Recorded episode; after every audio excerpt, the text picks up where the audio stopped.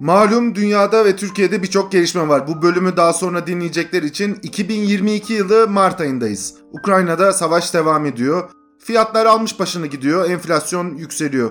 Sosyal medyayı veya televizyon açtığımız anda üstümüze adeta kara haberler yağıyor.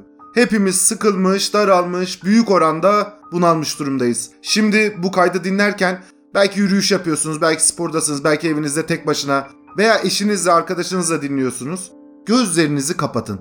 Her şeyi geride bırakacağız. Önümüzde bir tane portal açıldı. Zaman makinesiyle geçmişe gidiyoruz.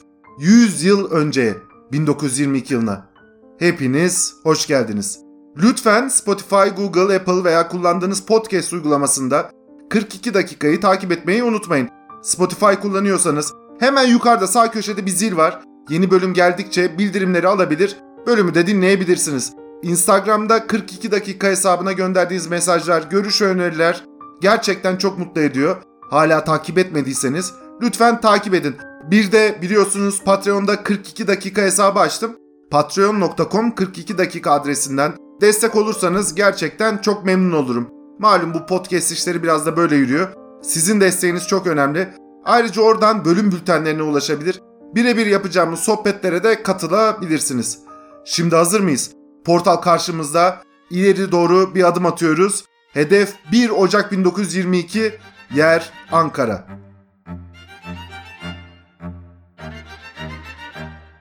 Uçurum kenarında yıkık bir ülke. Zulmü düşmanlarla kanlı buluşmalar. Yıllarca süren savaş.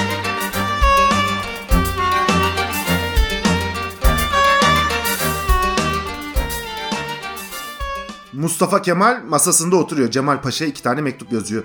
Aralarında Suriye cephesinden kalan karşılıklı bir saygı ve muhabbet var. Mektupta Cemal Paşa'ya Enver Paşa ile ilişkisini keserse ileride devlet görevi alabileceğini yazıyor. Uyarıyor. Bu bağ devam ederse Cemal Paşa'nın adını anmaya bile kimse cesaret edemez. Aynı saatlerde gelen güzel bir haber de var. Rusya'dan yola çıkan Şahin vapuru Trabzon'a ulaştı. Gemideki silah ve cephanelere ihtiyaç sonsuz.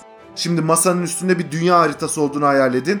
O haritaya baksaydınız bugünkünden bambaşka bir dünya görecektiniz. 1922 yılında dünyanın en güçlü ülkesi İngiltere'ydi. Dünya nüfusunun ve coğrafyasının dörtte birini İngilizler kontrol ediyor. İngiltere'nin karşısında da acil meseleler var. O tarihlerde İrlanda Bağımsızlık Savaşı bir sonuca varmak üzereydi. İrlanda parlamentosunun gündeminde Anglo-İrlanda anlaşması var. Anlaşmayla bir yıl içinde İrlanda Özgür Devleti'nin kurulması, İrlanda'nın da Britanya İmparatorluğu'nun bir parçası olması kabul ediliyor. Aynı Kanada statüsünde. İmparatorluğun elması, Hindistan ise kaynayan bir kazana dönmüş durumdaydı.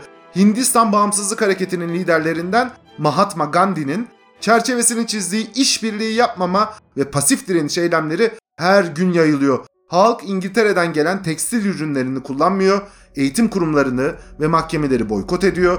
İnsanlar hükümet görevlerinden istifa ediyor, vergi vermiyor ve İngiliz hakimiyeti her gün kan kaybediyordu. İngiliz ordusu 1. Dünya Savaşı'ndaki gücünün büyük kısmını kaybetmiş durumda. Askerler terhis edilmiş. Savaşın hem insani hem de ekonomik bakımdan acı tablosu karşısında artık İngilizler bir başka savaşta bir kişi bile kaybetmek istemiyordu. Bütün bu koşullarda İngiltere'nin Anadolu'da yaşanan gelişmelere karşı gösterdiği tepkiyi tabi değiştirdi.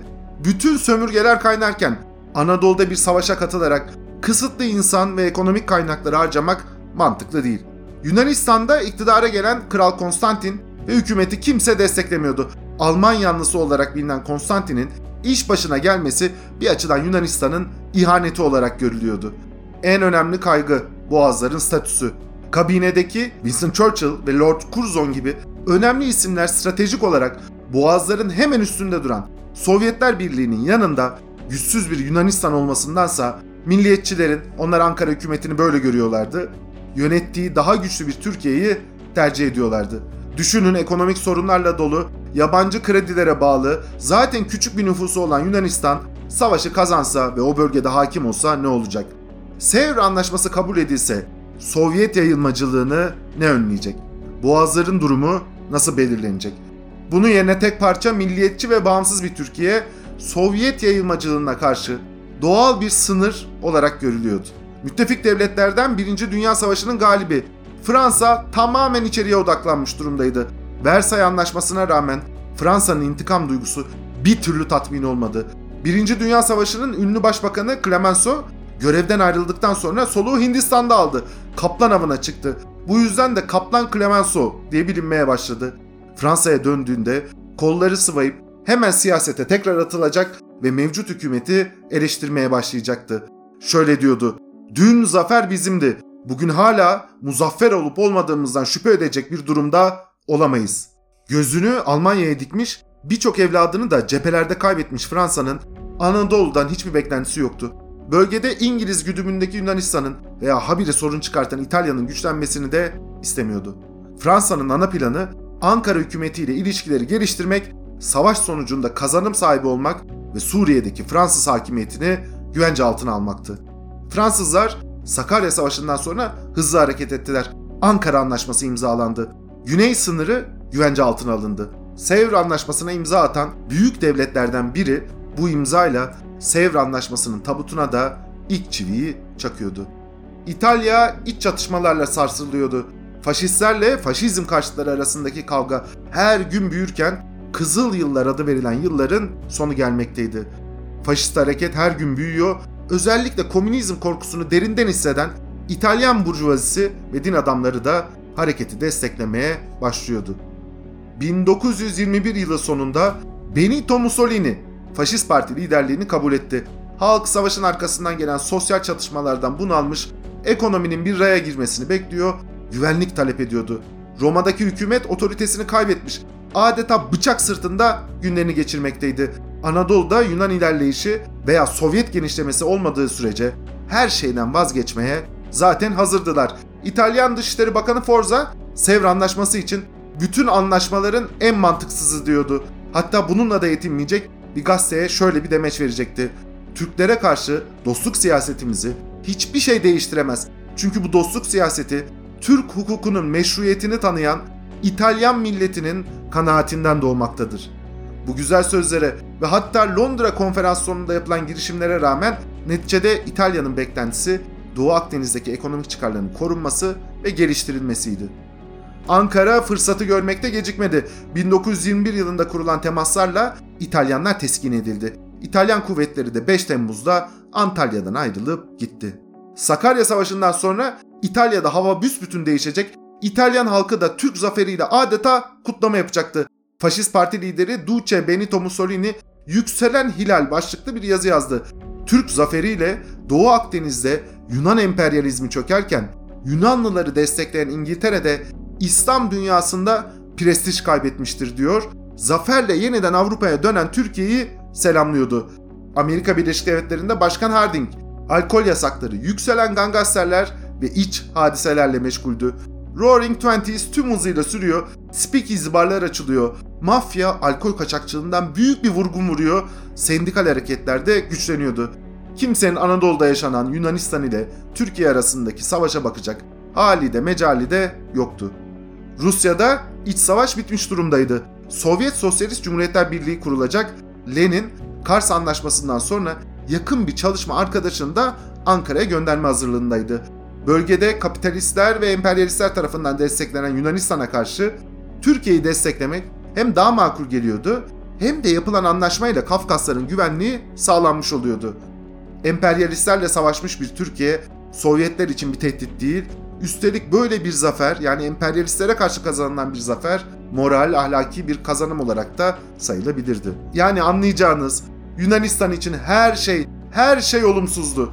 Mustafa Kemal'in Cemal Paşa'ya mektup yazdığı sırada Atina'da Prens Andreas General Metaxas'la buluştu. Andreas tabloya baktıktan sonra en sonunda şöyle diyecekti. Acilen bizi Küçük Asya'daki kabustan kurtaracak bir şey bulmamız lazım.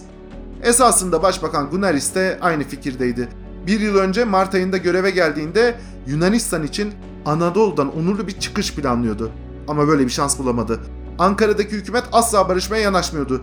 Birlikleri bir anda çekip Ankara hükümetinin taleplerini kabul etmek de siyasi bir intihar olurdu. Yunan halkı henüz buna hazır değildi. Dolayısıyla tek seçenek olarak Ankara üstüne yürümek ve Ankara'yı barış anlaşmasına zorlamak vardı. İnönü savaşlarında alınan yenilgilerden sonra Kütahya-Eskişehir operasyonu başarılı oldu. Ya ilerleyecek ya da tamamen duracaklardı. Atina ilerlemeyi seçti. Sakarya önüne geldiklerinde de alınan yenilgi bütün ümitlerini yerle bir etti. Artık Yunanistan Ankara'yı savaşla bir anlaşmaya zorlayamayacağını biliyordu. Atina'da hükümet bir çıkmaza girmişti. 1921 yılı Ekim ayında Başbakan Gunaris apar topar İngiltere'ye gitti.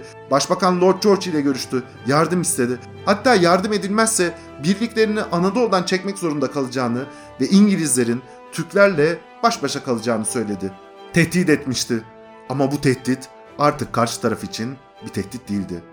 Lord George bir Yunan dostu olsa da kabinesindeki hakim görüşte aynı fikirdeydi. Sovyetlerin yanında stabil ve güçlü bir Türkiye'nin var olması İngiliz çıkarlarına daha uygun düşüyordu. Beklediği yardımı Gunaris alamadı. Gunaris İngiliz finans dünyasından talep ettiği krediyi de bulamadı. Evine döndü. Şimdi ekonomi tam anlamıyla batağa saplanmış durumdaydı. Gunaris Yunanistan'a döndükten sonra askeri danışmanı General Strategos ile bir toplantı yaptı. Tablo korkunçtu. Strategos ekonomik durumun düzelmemesi halinde tek çözümün Anadolu'dan çıkmak olduğunu söyledi.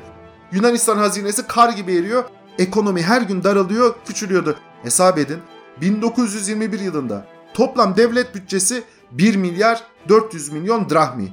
Bunun 326 milyonu orduya, 336 milyon drahmi de askeri harcamalara gidiyordu. Ordu sadece Kasım ayında 43 milyon, Aralık'ta 56 milyon drahmi harcadı. Neredeyse ordunun dışında hiçbir şeye harcayacak para kalmamıştı. Hükümetin bazı üyeleri borçları ötelemeyi veya ödememeyi önerdiler. Ama Gunaris buna karşı çıktı. Borçları ödememek ülkeyi çok daha kötü bir duruma sokacak.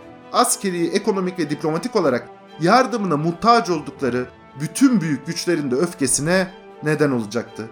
1922 bütçesi 1921 bütçesinden bile daha kötüydü. Gelirler 1 milyar 700 milyon drahmi. Gider 3 milyar 397 milyon drahmi.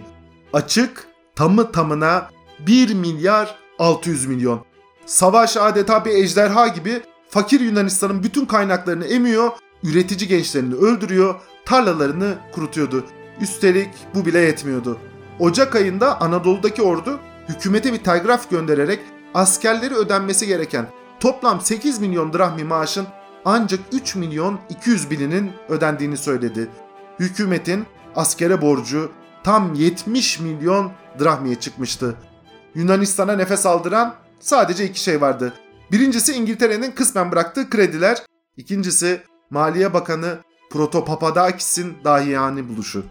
Bizim Nebati Bakan gibi bir insan. Umarım Nebati Bakan bizim podcast'te dinlemiyordur. Sizleri de uyarıyorum ne olur ne olmaz dikkatli olun.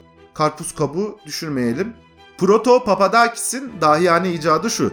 Her banknotun evet yani mesela 200 lira banknot elinize alın. Yarısını kesin. Atatürk'ün bulunduğu taraf 100 lira sayılacak. Kalan taraf da %6,5 faizle hazine bonosu olarak kabul edilecek. Piyasada 3 milyar drahmilik banknot vardı. Böylece hükümet hem emisyon arttırma aralığı kazanıyor hem de bir anlamda 1,5 milyar drahmilik iç borçlanma yapıyordu. Sakarya Savaşı'ndan sonra Yunan ordusu artık Afyon Eskişehir hattını çekilmiş durumdaydı. Buradan sonra hedef bir müdafaa savaşı yapmak, savaşı olabildiği kadar uzatmak, Ankara hükümetinin geri adım atıp bir barış anlaşması yapmasına razı olmasını sağlamaktı. Şimdi tabloyu toplayalım. Mustafa Kemal Sakarya Savaşı'nı kazanmış. Bütün bu tabloyu da görüyor. Memlekette zafer umudu var. İngiltere pozisyon değiştirmiş. Fransa zaten müttefik konumunda. İtalyanlar doğru rotaya girmiş. Rusya ile ilişkiler gayet iyi. Mustafa Kemal bu şartlarda Aralık ayında cepheyi kontrole gitti. Denetim yaptı. Ortaya çıkan tablo üzücüydü.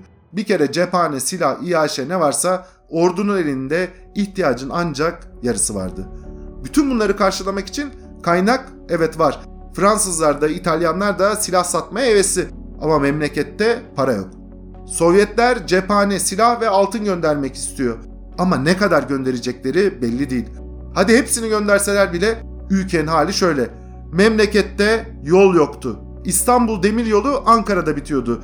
Onun da ancak Eskişehir doğusunda küçük bir parçası elde bulunuyordu.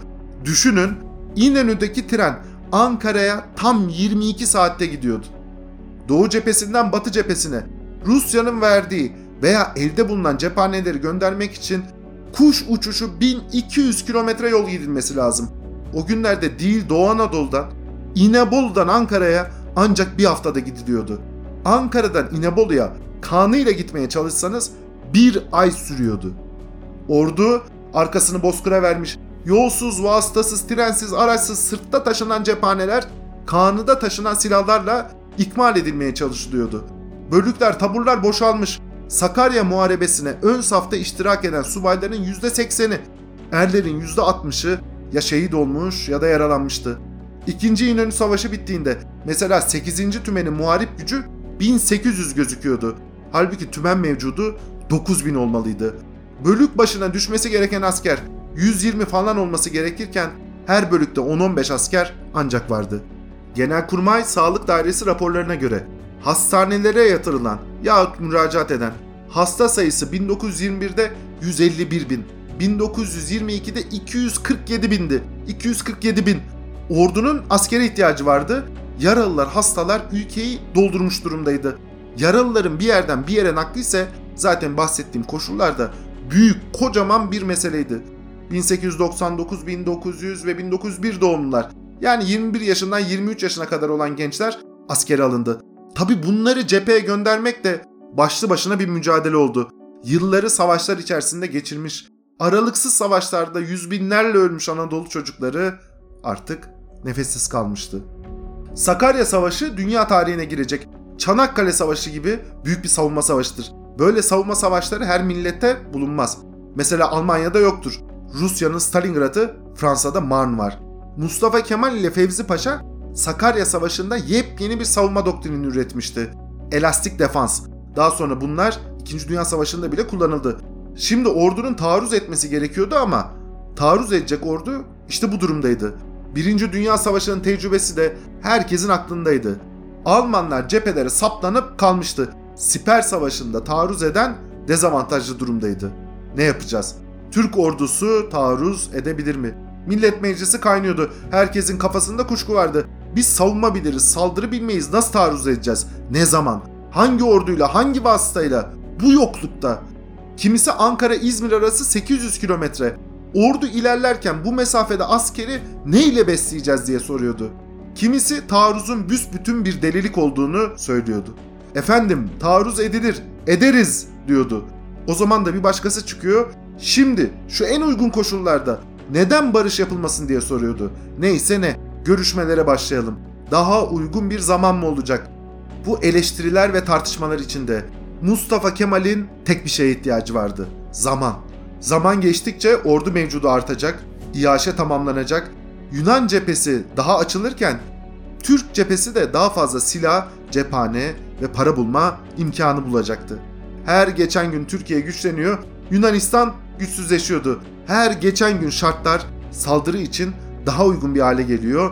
Yunanlıların savunması da zorlaşıyordu. O bunu biliyordu. Çünkü dünyayı takip ediyordu, gelişmeleri izliyordu. Yunanistan içinde olanları da İngiltere'nin tutumunda diğer devletleri de tek tek değerlendiriyordu. Diğerleri, muhalifler bunu bilmiyordu. Çünkü onlar dünyayı takip etmiyordu. Bizde bu bir hastalıktır biliyorsunuz. Dünyada yalnızca biz varız gibi düşünenler var. Bütün dünya bu ülkeden ibarettir. Bu adamların zihniyeti için Edirne'nin ötesi yoktur. Mustafa Kemal'in ihtiyacı belliydi zaman. Ama kimsenin ona zaman vermeye niyeti yoktu. Meclis kaynıyor. Enver Paşa eski iddiatçılara bu adamlara artık acımayacağız diye mesajlar gönderiyordu. Enver Paşa'nın da kendi planları vardı. Şimdi dinleyin. Yanındaki birkaç insanla birlikte Kafkasya'dan Orta Asya'ya geçecek. Burada iktidarı eline alacak. Bolşevikler yani koca Sovyetler ve İngiltere ile savaşacak. Bölgedeki ülkeleri bağımsızlığa kavuşturacak. Hindistan'ı fethedecek. Turan'ı kuracak. Ankara'ya gelecek. İstanbul'a da oturacaktı. Muazzam işler peşindeydi. Hayallerle dolu bir adamdı. Bölgeyi de hiç bilmiyordu. Doğru düzgün bir haritası bile elinde yoktu. Gittiği yerlerde önce saygıyla karşılandı. Ama emirler ya İngilizlerden ya da Bolşeviklerden destek alıyordu. Emirler ve oradaki din alimleri geçmiş bir zamanda kalmıştı. Feodal dönemin temsilcileriydi. Kendi tebaalarını korumak, haraçlarını almak, ve eski düzen hayata devam etmek dışında bir şey istemiyorlardı. Bir tane eğitim kurumu yoktu. Bir Türk'ün o tarihte Orta Asya'dan kalkıp Moskova'daki bir üniversiteye gitmesi filan olacak iş değildi. Emirlerin en büyük düşmanı Ceditler. Cedit yeni demek. Yani yenilikçiler. Enver'in de bir yenilikçi olduğunu düşünüyorlardı. Emirlerin desteğini almak için ya Bolşeviklerle ya da İngilizlerle bir anlaşmaya varması lazımdı. Ama Enver Paşa kafasında ikisine de savaş açmış durumdaydı. Her yerde de bunu söylüyor. Milletin koşa koşa arkasında toplanacağını ümit ediyordu. Hiç öyle olmadı. Yalanlarla kandırıldı, küçük düşürüldü, tutsak tutuldu, hakarete uğradı. Son günlerinde çok da aşık olduğu karısına hala zaferler ve parlak gelecek hayalleriyle dolu çoğu da hüzünlü mektuplar yolladı. Ama onun efsunlu hayallerinin Ankara'da da takipçileri vardı. İddiaçıların bir kısmı Mustafa Kemal'in saflarına katılmış, bir kısmı mesafeyi korumuştu. Bazı muhafazakarlar da farklı sebeplerle muhalefet hattındaydı. Mustafa Kemal'den hemen ve hızla kurtulmak gerektiğini düşünüyorlardı. Şimdi zihniyeti şöyle düşünün. Örneğin İstanbul ve memleket işgal altında aynı günlerde İstanbul'daki muhafazakarların gündemini kadınların elbisesi, sokakta nasıl yürüyecekleri ve şeriye mahkemeleri meşgul ediyordu. Manzarayı Fahri Rıfkı şöyle anlatıyor. Bir ahlak komisyonu da bilhassa kadına karşı harekete geçti. Ramazan akşamı direkler arasında dolaşırken yan sokaklarda süngülü askerler gördüm. Bunların görevi caddeye çarşaflı peçeli de olsa kadın sokmamaktı. Şeriatçı tevhid efkar siyasette Anadolucu iken kadın açık saçıklığına dikkat etmediği için gün aşırı polise hücum ediyordu. Mustafa Kemal'i ve onunla beraber olanları tekfir eden yani kafir ilan eden fetvaları işte bu hocalar böyle vermiştir. Zihniyet bu. Mustafa Kemal'i nasıl yaşadığını, nasıl konuştuğunu, okuduğu kitapları, takip ettiği düşünürleri gören bazı muhafazakarlar, siyasal İslamcılar adeta diş bilemekteydi. Kazım Karabekir gibi bir komutan, Rauf Orbay gibi önemli bir karakter bile Mustafa Kemal'den rahatsızdı. Fazla güç topladığını düşünüyor, siyasal alanda geriye itildiklerine inanıyor. Hatta Mustafa Kemal'in diktatör olma yolunda olduğundan endişe ediyorlardı. Yani Mustafa Kemal'in etrafında yine bir ateş çemberi vardı. Zafer de fayda etmemiş, mücadele başka bir faza girmişti. Sinir harbi. Bitmeyen, tükenmeyen, her gün kendini tekrar eden, taraflar arasında yer yer patlayan, yer yer donuk bir mesafeye kendini bırakan devamlı bir sinir harbi. Mustafa Kemal zamanın kıymetini biliyordu. Geçen her gün onun lehineydi. Başkomutan şimdi sinir harbi muharebesini de kazanmak için sahneye çıkacaktı. Hedefini açıkça bildirdi. Taarruz edeceğiz. Milleti hazırlamak. 2. Meclisi hazırlamak. 3. Orduyu hazırlamak lazımdır. Yılmadan, usanmadan tekrar tekrar aynı şeyi anlattı. Milleti hazırlamak, meclisi hazırlamak, orduyu hazırlamak. O bunları dedikçe sorular da büyüdü. Neye hazırlanıyoruz? Nasıl hazırlanıyoruz? Takip olunan askeri siyaset nedir? Bu sorular en yüksek makamlardan, başvekil Rauf Orbay gibi isimlerden geliyordu. Gazi niçin cepheye gitmiyor? Niçin Ankara'da oturuyor? Soruları meclis kulislerinde yankılanıyordu. Batı cephesi komutanı görevinin başında. Genelkurmay Başkanı Fevzi Paşa görevinin başında. Mustafa Kemal kendisinin meclis başkanı da olduğunu hatırlatıyor. Bu görevi de yerine getirmesi gerektiğini söylüyordu. O zaman yeni bir eleştiri başladı. Bir insan hem meclis başkanı hem başkomutan olur mu? Hemen bir harp encümeni yani komisyonu kurulmalı. Başkomutan da cepheye gitmeli. Kazım Karabekir de bir telgraf göndererek harp encümeni kurulmasını talep etti. Şimdi düşünün bir hükümet var, buna bağlı savunma bakanı var, genelkurmay başkanı var, ona bağlı batı cephesi komutanlığı var.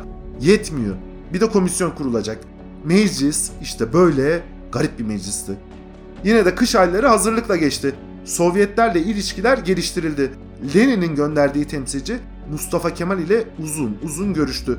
Mustafa Kemal hatta meclise anlatmadığı detayda yoğun olarak vaziyetli tabloyu ortaya koydu. Fronze hatta arkanızı doğuya verin, batıya doğru gönlünüz rahat, istediğiniz kadar gidin diyecek kadar davaya inanmış bir şekilde ülkesine döndü. Meclis ise kum saatini ters çevirmiş, bahar aylarında bir taarruz bekliyordu. Mart ayında Mustafa Kemal bir kez daha cepheye gitti. Ordu hala hazır değildi. Bu dönemde İngiltere bir barış teklifi de yolladı. Kimileri hemen teklifin kabul edilmesi gerektiğini söylediler. Neticede teklif reddedildi. Durumu öğrenen komutanlardan biri kendini tutamayıp haykıracaktı. Nasıl? Nasıl? Teklifi kabul etmediniz mi? Bu cinayeti nasıl işlediniz der gibi soruyordu. Mustafa Kemal soğukkanlılıkla cevap verdi. Sonra karargâhtan çıkınca İsmet Paşa'ya döndü. Yahu dedi ben sana bu adamın kalpazan olduğunu söylememiş miydim? Başkomutanlık yetkilerinin yenilenmesi teklifi meclise geldiğinde çanak çömlek patladı. Muhittin Baha Pars bir yanda Mustafa Kemal ve yanındakiler diğer yanda Ziya Hurşit ve taraftarları elleri ceplerinde silahlarla birbirlerinin üstüne yürürken Mustafa Kemal'i o gün orada öldürecekler sanmıştık diye çıkan tartışmayı anlatacaktı. Orada Mustafa Kemal'in artık sinirleri de kopma noktasına geldi. Meclise döndü ve bağırdı. Meclis istese de istemese de ordunun başında duracağını söyledi. Muhalifler geri adım attı. Hazırlıklar da devam etti.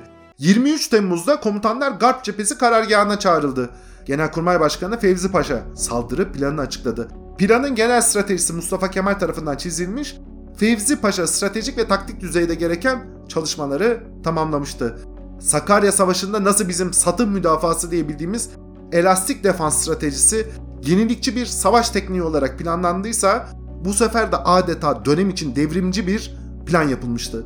Bu planın harp tarihi açısından önemi daha sonra çok daha iyi anlaşılacaktı. Dönemin en büyük sorunu belli. Şimdi düşünün iki ordu bir cephede siperlerde karşı karşıya. Kafanızda iki tane çizgi çekin.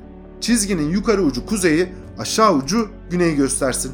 İki çizgi arası no man's land. Dikenli teller arasında mayınlar, düşen bombalarla dolu ölüm bölgesi. Saldıran ordu siperden çıkmak, bu bölgeyi geçmek, siperdeki düşmanı da süpürmek zorunda. Ağır makinalı silahlar, havan topları, top atışları arasında. Bunu yapmak tabi kolay değil. Rusların bulduğu yöntem nüfus üstünlüğüne dayanıyordu. Yani yüz binlerce insanı ölmek üzere karşı sipere gönderdiler. Onlar ölürken kalan askerler taarruzu tamamlıyordu. Büyük insan gücü istiyor. Tabi bizde böyle bir nüfus yok. Almanların yöntemi ikili bir strateji. Önce üstün Alman toplarıyla aralıksız bombardıman, arkasından uzman, savaş deneyimi olan Sturmtrooper'larla cephenin belli bölümlerine yoğun baskı uygulayarak hattı yarmak ve sonra siperleri süpürmek. E bizde böyle bir üstün top teknolojisi de yok. Üstelik Almanların bile savaş deneyimi olan veteran askerlerinin sayısı kısıtlı. Bu saldırılar ordunun en iyi askerlerini öldürüyor. Başarısız her saldırı daha sonra savunmayı da zora sokuyordu. Peki düğüm nasıl çözülecek? Mustafa Kemal Türk ordusu ve muharebe meydanı kompozisyonunda kendine göre devrimci, dahiyane bir çözüm buldu. 1. Neticede burası Batı cephesi değil. İsviçre ile deniz arasındaki 765 kilometreden bahsetmiyoruz. Çok daha yönetilebilir bir cephe. Dolayısıyla manevraya ve birlik kaydırmaya müsait. 2. Süvari birliklerinin etkin kullanımı. Bu birlikler hızlı, yüksek manevra kabiliyetine sahip. Dolayısıyla onların hızlarıyla lojistik hatların ele geçirilmesi ve düşmanın bir kıskaca alınması mümkün. 3. Mustafa Kemal'in Çanakkale'de, Suriye'de ve türlü cephede tecrübe ettiği topçu birliklerinin etkin kullanımı. Ama gerçekten etkin. Son derece planlı, hedefleri belli, yüksek vuruş ve konsantrasyonla kullanımı. Plan en yan haliyle şöyleydi. Kuzeyden güneye gizlice sevk edilen birliklerle Yunan cephesinin en güçlü olduğu bölgede, güneyinde bir yoğunluk oluşturulacak. Bu yoğunluk ile düşmana üstünlük sağlanacak. Baskıyla düşmanın İzmir bağlantısı kopartılacak. Kuzeyden ve güneyden süvari birlikleriyle bir çevreleme harekatı yapılacak ve çevrelenmiş düşman merkez siklondan gelen baskıyla süpürülecek. Yani düşman her yerden çevrilecek, güney ve merkezden sıkıştırılacak, kuzeydeki birliklerle etrafı kapatılacak. Mustafa Kemal'in aklında bir kıskaç kurup düşmanı büsbütün topyekün imha etmek, mutlak zafere ulaşmak vardı. Plan kendi tecrübesine ve askeri dehasına yakışır yenilikçi unsurlara sahipti. Hatta denebilir ki askeri inovasyonla doluydu. Yıllar sonra Almanlar Blitzkrieg ile geldiği zaman süvari birliklerinin rolünü tanklar, topçuların rolünü de yakın hava desteği uçağı Stukalar oynayacaktı. Amerikalılar Blitzkrieg üzerine çalıştıkları zaman West Point'teki akademisyenler Mustafa Kemal'in imha planında stratejilerine katacaktı. Bu kadar yenilik barındıran plan harp tarihine meraklı olanlar için de özgün bir motife sahipti. Hannibal'ın Romalıları yendiği Kana muharebesini çalışmış, Hannibal'ın süvarilerle çevreleme taktiklerini planına dahil etmişti. Yani gelecekte bu plan üzerinde çalışan tüm kurmaylar Mustafa Kemal'in kendilerine bir selamı ve imzası olarak bu motifi de görecekti. Ama bu kadar yenilikçi plan bazılarını tabii korkutuyordu. Garp cephesi komutanı İsmet Paşa plana karşı çıktı. Riskli buluyordu. Özellikle düşmanın manevrayı fark etmesi ve kuzeye yönelmesi halinde ordu grupları birbirinden kopacak, her şey bitecekti. Üstelik ordu böyle bir planı uygulamaya da hazır değildi. Şimdi bunları niye anlatıyorum biliyor musunuz? Kimseyi kötülemek için değil. İyi kurmay tartışan kurmaydır. Tartışmak zorundadır. Bunlar öyle herhangi meseleler değil. Yüz binlerin hayatı ve milletin kaderi mevzubayız. Tartışma olmaz. İnsanlar susar fikirlerini söylemezse o zaman milletler de hatta yönetilen en ufak şirketler bile felaketlerle karşılaşır. Biz bunları yaşadık. Bugün de yaşıyoruz. İtiraz kültürüne alışmak. Bunu kabul etmek zorundayız. Yönetici olanlar, emirler verenler firavunlar değil, görüş alışverişinde bulunan, doğruyu arayan idareciler olmak zorundadır. Yalnız bu sefer tartışma biraz büyüdü. Yakup Şevket Paşa varını yoğunu zar gibi atmanın tarihçe cinayet sayılacağını söyledi. Mustafa Kemal sordu. Paşam milletin varı yoğu bundan mı ibarettir? Evet. O halde kesin sonucu bununla almak zorundayız. Kolordu komutanı Kemalettin Sami Paşa söze girdi. Bizim geri teşkilatının düşmanı 20 kilometreden fazla kovalayamayacağını söyledi. Mustafa Kemal tekrar sordu. Bizim geri teşkilatımız düşmanı 20 kilometreden fazla kovalayamaz mı paşam? Hayır paşam. Demek düşmanı 20 kilometre içinde yok etmek zorundayız. İkinci Ordu Komutanı Nurettin Paşa henüz cepheye yeni geldiğinden bir fikri olmadığı cevabını verdi. Sessizlik. Fevzi Paşa ile Mustafa Kemal aralarında anlaşmıştı. Sessizliği Fevzi Paşa bozdu. Madem ki ordunun bana güveni yoktur, ben çekiliyorum dedi. İstifasını sundu. Mustafa Kemal de Genelkurmay Başkanım görevden çekildiğine göre ben de artık komutanlık görevime devam edemem dedi. İtirazlar bitmişti. İsmet Paşa telaşla cevap verdi. Efendim dedi, fikrimizi sordunuz söyledik. Hepimiz emrinizdeyiz. Nasıl isterseniz öyle hareket ederiz. İtirazlara rağmen komutanlar iki yönlü bir kıskaç harekatı ve düşmanın mutlak imhası üzerinde zaten fikir birliğine varmış durumdaydı. Bakın bu tartışma daha sonra meyvelerini verdi. Görülen riskler uygulamanın da operasyonun da kalitesini yükseltti. Burada stratejik ve operasyonel liderlik açısından Türk kurmayı düşmana, Yunan kurmayına açık üstünlüğünü gösteriyordu. Artık saldırı kararı alınmıştı 6 Ağustos'ta orduya taarruza hazır olması emredildi. 13 Ağustos'ta Fevzi Paşa cepheye gitti. 24 Ağustos sabahı Mustafa Kemal Ankara'dan cepheye hareket etti. Hareket ederken arkadaşlarına taarruz haberini alınca hesap ediniz dedi. 15 gün içinde İzmir'deyiz. Düşünün bugün Afyon'la İzmir arası normal karayoluyla 326 kilometre. 15 gün desen karayolunda günde 21 kilometre yürümen lazım. Sırtında erzak, bazı askerin ayağında postal bile yok. Elinde tüfek, mermi, cephane. Düşmanla da savaşa savaşa asker günde 21 kilometre nasıl yürüyecek? Yanındakiler dalga geçtiğini sanıp güldüler. Harekattan önce büyük bir gizlilik hareketi başladı. Mustafa Kemal Ankara'da çay partisi veriyordu. Yunanistan'da boş durmamış, Küçük Asya ordusunun başına Papulas yerine General Hacı Anestis getirilmişti. Egzantrik, etkileyici ve mental olarak dengesiz biri olarak biliniyordu. Ordunun önemli komutanları arasında popüler biri değildi. Savunma hattının daraltılması gerektiği düşüncesindeydi. 15 Haziran'da ordu denetimine çıktı. Karşılaştığı her komutana durumu sordu. Karşılaştığı tabloyu kurma heyetine şöyle anlatacaktı. Siz bu durumu bilip akşam nasıl uyuyorsunuz?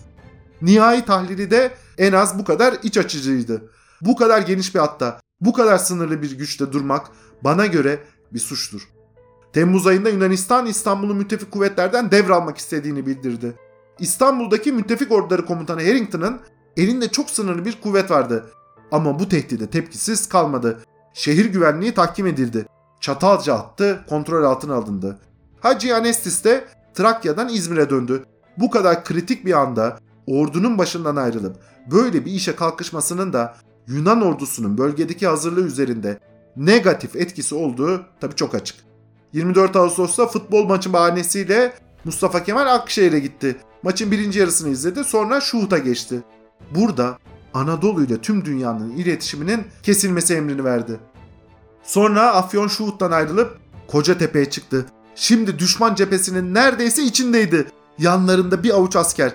Cepheye hakim bir tepede bütün alanı izliyordu. 25 Ağustos sabahı Fevzi Paşa askeri dolaştı. Gece yarısı bütün birlikler yerlerinde ve her şeyin hazır olduğunu bildirdi. Şimdi Mustafa Kemal, Fevzi Paşa ve İsmet Paşa çadırlarının önünde kurdukları portatif bir masanın etrafında duruyor, hala plan üstünde çalışıyordu. O gün diyeceklerdi ki karşımızda milletin mukadderatı vardı. 26 Ağustos sabahı saat 4.30'da başlaması planlanan taarruz sis nedeniyle saat 5.30'da başladı. Yoğun ve çok etkili bir topçu bombardımanıyla Yunan ön hatları ağır tahribata uğradı. 6'da başlayan piyade taarruzu ile Tınaztepe, Belentepe geri alınsa da geriden gelen Yunan takviyeleriyle saldırının hızı düştü. Öğle saatlerinde tamamen durdu. İkinci ordunun planlandığı üzere çay hattına saldırması ve saat akşam 6'da 5. Süvari Kol Ordusu'nun cephe gerisine sızarak İzmir-Afyon bağlantısını ele geçirmesi savaşın seyrini değiştirdi. Orduların başındaki Yunan komutanı Trikopis bir gece taarruzu yaparak durumu değiştirmek istedi. Ama sabaha karşı Tınaztepe, Erkmentepe ve Kurtkaya yeniden kazanıldı. Yunan 1. ve 4. Piyade Tümenleri organizasyonel bütünlüklerini kaybettiler. Cephe yarıldı. Yarılan cepheden Türk birlikleri Sincanlı Ovası'na inerek Yunan ordusunu takip etmeye başladılar. Cephenin yarılmasıyla Yunan kol ordusu ikiye bölündü. Yunan kol ordu karargahı da bazı birliklerle Afyon hattını bırakarak İlbulak Dağı çevresine çekildi. Diğer kuvvetler Dumlupınar hattına doğru devam ettiler. 28-30 Ağustos arası Türk kuvvetlerinin takip ve imha harekatıyla devam etti. 30 Ağustos tarihinde çember artık tamamen daraldı. Yunan birlikleri büyük bir kıskacın içindeydi. Başkumandanlık meydan muharebesi ile Yunan birlikleri tamamen imha edildi. 31 Ağustos'ta Mustafa Kemal gördüğü manzarayı şöyle anlatacaktı. Muharebe meydanını dolaştığım zaman ordumuzun ihraz ettiği zaferin azameti ve buna karşılık hasım ordusunun uğradığı felaketin dehşeti beni çok üzdü. Savaş meydanından ayrılıp sağa sola dağılan ve sonra hemen hepsi imha edilen düşman kuvvetlerinden başka olarak sırtların gerilerindeki bütün vadiler, bütün dereler, mahfuz ve örtülü yerler, bırakılmış toplar, otomobiller, teçhizat ve malzeme ile ve bütün bu metrukat aralarında yığınlar teşkil eden ölülerle toplanıp karargahımıza sevk edilen esir kafileleri hakikaten adeta bir mahşer gününü andırıyordu. Ordular ilk hedefiniz Akdeniz'dir emrini burada verdi. 1 Eylül'de zafer bütün millete duyuruldu. 2 Eylül'de General Trikopis ile 6000 asker Türk kuvvetlerine teslim oldu. Yunan ordusunun kalan unsurları çekilirken daha önceki emirlere uygun olarak boş arazi bırakma politikasına devam etti. Büyük bir şiddet ve yağma politikası uygulandı. Geçtikleri her yerde Yunan ordusu gerçekten şehirleri yakıyor, yıkıyor, insanlar tecavüze uğruyordu. Savaş meydanında kaybetmenin vahşi öfkesi Yunan askerini teslim almış, gerçekten akıl almaz suçlara yol açmıştı. Tarihçi Andrew Mango'nun verilerine göre Uşak'tan İzmir'e kadar yüzlerce köy ve kasaba yakıldı. Alaşehir'de 4500 evden, bakın 4500 evden 4300'ü, Manisa'da 14000 evden 12600'ü tamamen yok edildi. 26 Ağustos'ta başlayan büyük taarruz 1. Dünya Savaşı'ndaki Almanların Tannenberg, Osmanlı'nın Kutulamare ve İngiltere'nin Megiddo zaferlerine benzer ölçekte büyük bir zaferdir. Ancak hem kapsam, hem stratejik planlama, hem uygulama, hem de sonuçları itibariyle bakın burası çok açık. Bütün bu zaferleri aşar. Mutlak bir zaferdir. Benzerine 2. Dünya Savaşı ve sonrasında pek nadir olarak rastlanacaktır. Takip harekatı da askerlik açısından önemli bir operasyon. Edinburgh'ın Megiddo zaferi, Almanların Barbarossa harekatı, Eisenhower'ın Normandiya çıkartması sonrası yapılan takip harekatları az rastlanan önemli örnekler. Başkomutanlık meydan muharebesi sonrasında sürdürülen takip harekatı da boyut, kapsam ve uygulama açısından bu zaferlerden sonra uygulanan harekatlara denk boyuttadır. Kurmaylık açısından birinci sınıf eksiksiz bir örnektir. Türk ordusu aman vermez bir takiple 9 Eylül'de İzmir'e girdi.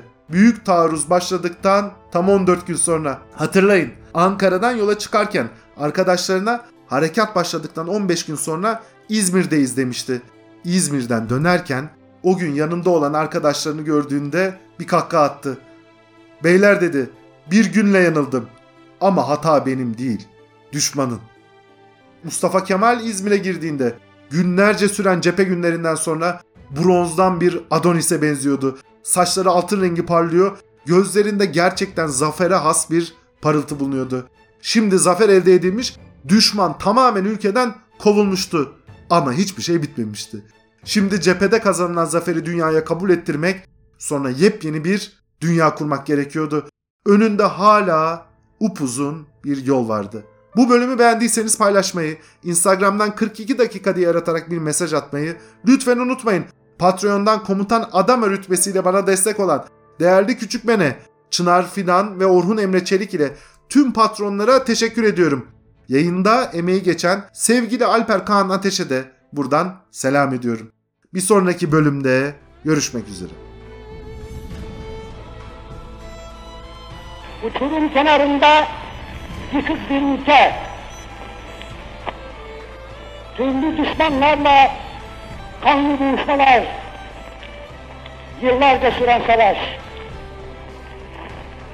Ondan sonra içeride ve dışarıda saygıyla tanılan yeni vatan, yeni sosyete, yeni devlet.